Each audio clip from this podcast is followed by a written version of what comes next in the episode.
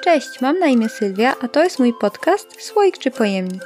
W odcinku 18 przybliżę Wam trochę, jak to się stało, że w Warszawie stanął stadion dziesięciolecia i czemu przekształcił się w słynny jarmark Europa oraz Centrum Hurtowo-Detaliczne Stadion, a dziś stał się stadionem narodowym. Zapraszam! Po co w powojennej Polsce stadion? Pomysł wybudowania stadionu powstał stosunkowo krótko po rozpoczęciu odbudowy Warszawy, bo już w 1950 roku. Przed wojną w Polsce nie było stadionu narodowego. W związku z tym nowe władze komunistyczne chciały, aby taki obiekt powstał. Miałoby to pokazać potęgę nowego ustroju. Chodziło również o to, aby nowy stadion był miejscem, gdzie władza mogła świętować wraz ze społeczeństwem, tak aby pokazać z nim jedność i braterstwo. W 1953 roku Stowarzyszenie Architektów Polskich zorganizowało konkurs, którego przedmiotem był projekt na Stadion Olimpijski. Zwycięzcą okazał się trójosobowy zespół składający się z Jerzego Chryniewskiego, Zbigniewa Ichnatowicza i Jerzego Sołtana, twórców wielu nagradzanych i docenianych budowli. W czerwcu 1954 roku zapadła decyzja o organizacji w Polsce V Światowego Festiwalu Młodzieży i Studentów, który miał odbyć się już w 1955 roku. W związku z tym prace nad pierwszym stadionem narodowym w Polsce ruszyły pełną parą. Do zwycięskiego projektu miały zostać wprowadzone poprawki, które uczyniłyby go bardziej pasującym do socrealizmu. Na dokonane zmiany nie wyraziło zgody dwóch twórców, Jerzy Sołtan i Zbigniew Ichnatowicz, którzy w ramach protestu odeszli z zespołu. Trzeci twórca, Jerzy Chryniewiecki, pozostał i dobrał nowych współpracowników, m.in. Marka Lejkmana i Czesława Rajewskiego. W niedalekiej przyszłości Jerzy Chryniewiecki kilkukrotnie zostawał prezesem Stowarzyszenia Architektów Polskich. Pomimo odejścia z zespołu dwóch architektów, zwycięski projekt został wykorzystany i dostosowany do ówcześnie panującego nurtu. Budowę stadionu rozpoczęto w sierpniu 1954 roku i już po 11 miesiącach projekt ukończono. Otwarcie odbyło się 22 lipca 1955 roku, w 11. rocznicę najważniejszego dla ówczesnej władzy komunistycznej w Polsce święta, którym było ogłoszenie manifestu Polskiego Komitetu Wyzwolenia, o którym opowiem trochę więcej później.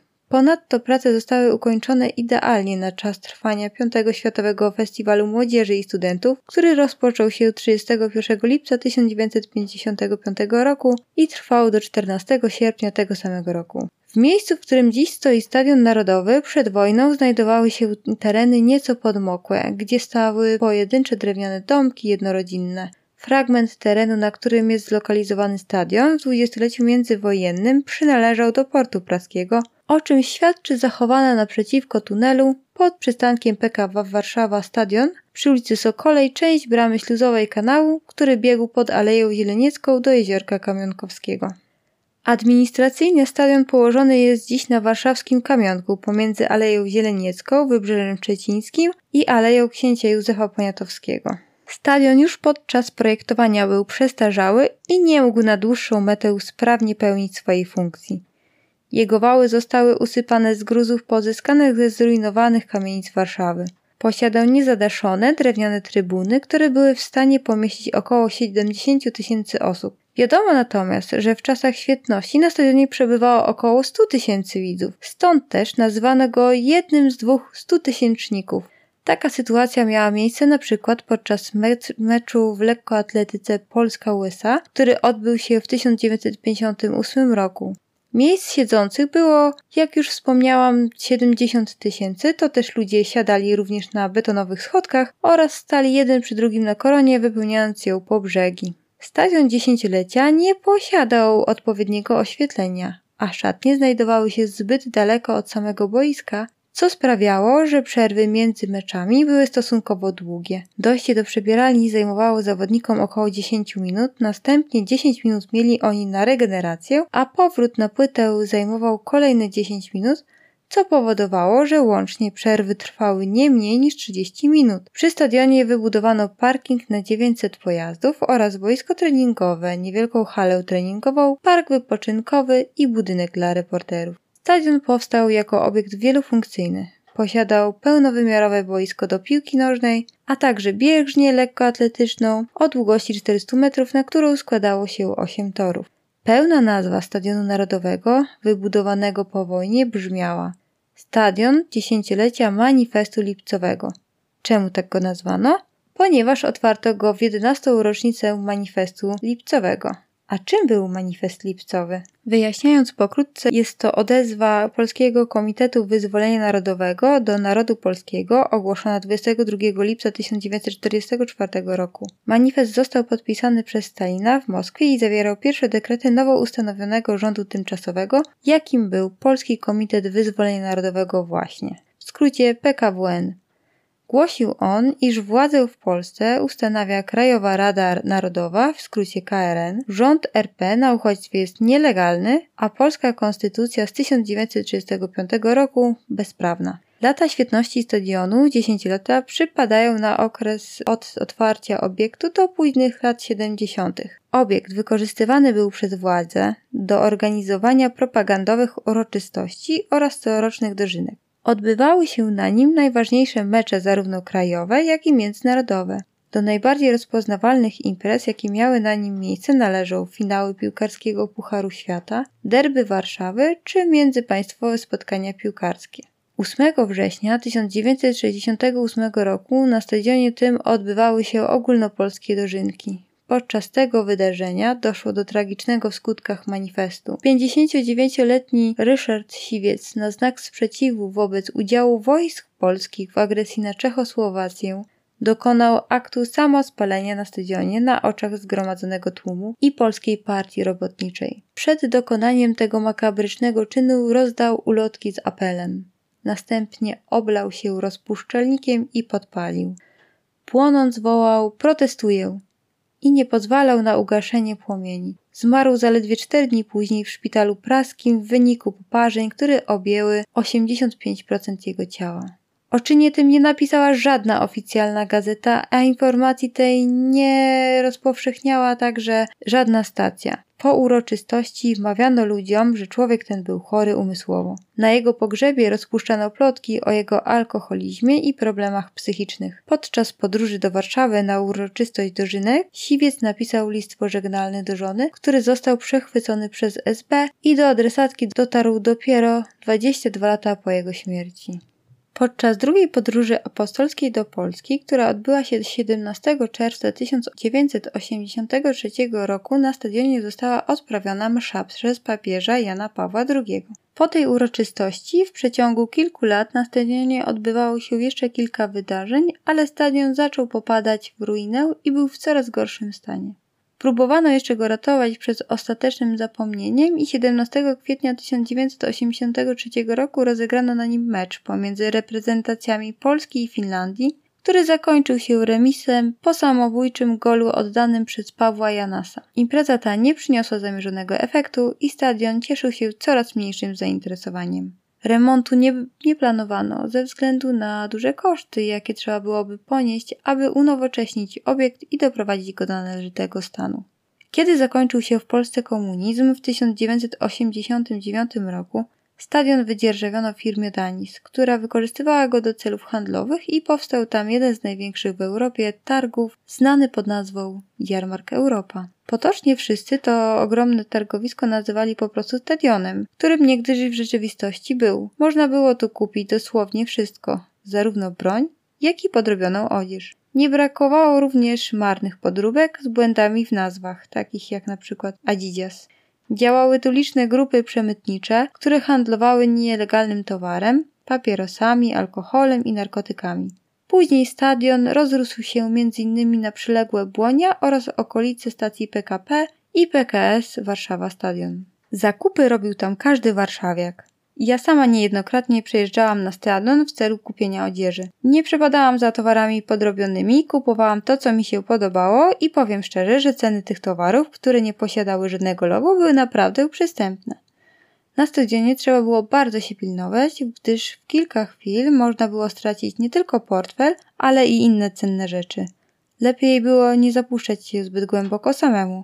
Było to naprawdę specyficzne miejsce, barwne, ciekawe i zarazem niebezpieczne.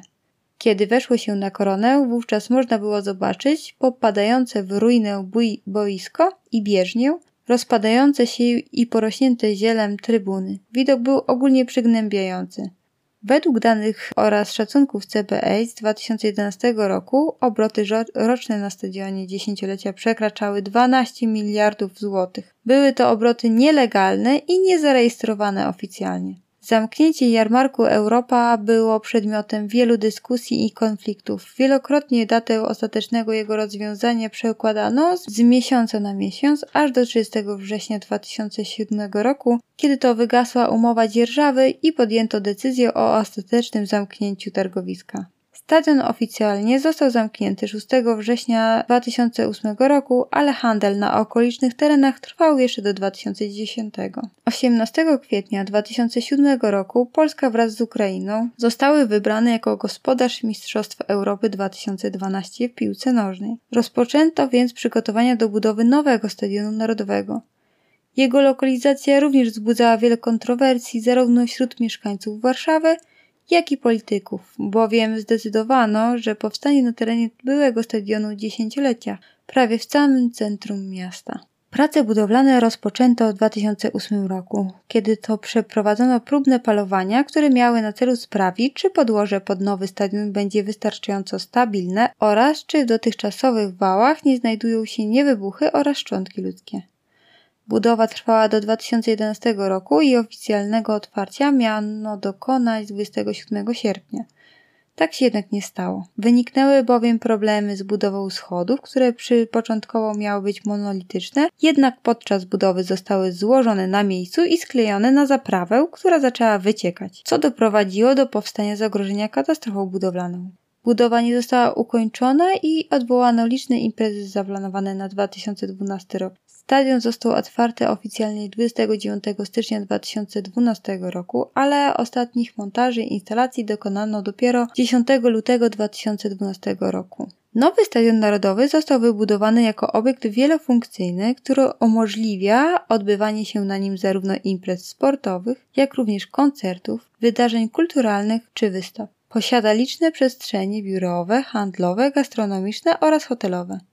Został zaprojektowany tak, aby umożliwić zorganizację jak największej liczby różnych imprez, często w tym samym czasie. Powierzchnia całego stadionu wynosi 203 920 m2. Posiada on rozsuwany dach o rozpiętości 240 m na 270 m. Trybuny składają się z dwóch pierścieni o łącznej ilości 58 580 miejsc siedzących. Przednie siedzenia trybun nie są składane, w związku z czym stadion nie może pełnić funkcji stadionu lekkoatletycznego.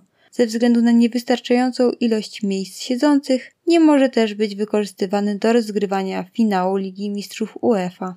Przed Stadionem Narodowym ustawiono rzeźbę sztafeta wykonaną przez Adama Romana, która znajdowała się na stadionie dziesięciolecia i została odsłonięta 22 lipca 1955 roku. Przedstawia ona trzech nagich biegaczy. Dwóch z nich przekazuje sobie pałeczkę sztafetową. Rzeźba została ustawiona od strony Alei Księcia Józefa Poniatowskiego przy bramie numer 3 prowadzącej do Stadionu Narodowego.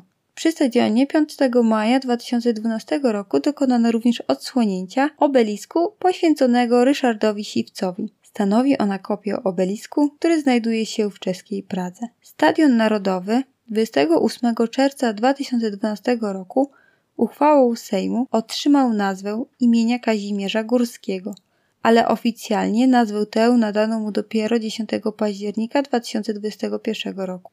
26 marca 2015 roku dokonano również odsłonięcia pomnika byłego selekcjonera reprezentacji Polski Kazimierza Górskiego właśnie i monument ten odlany został z brązu. Posiada 3,5 metra wysokości i został wykonany przez Marka Maślańca. O nowym Stadionie Narodowym imienia Kazimierza Górskiego w Warszawie można by opowiadać jeszcze więcej, jednak zajęłoby to wiele godzin. Dlatego też na tym poprzestanę. Bardzo mi miło, że ze mną jesteście i serdecznie zapraszam Was na kolejne odcinki, a na dziś to już wszystko. Żegnam się z Wami. Pa pa!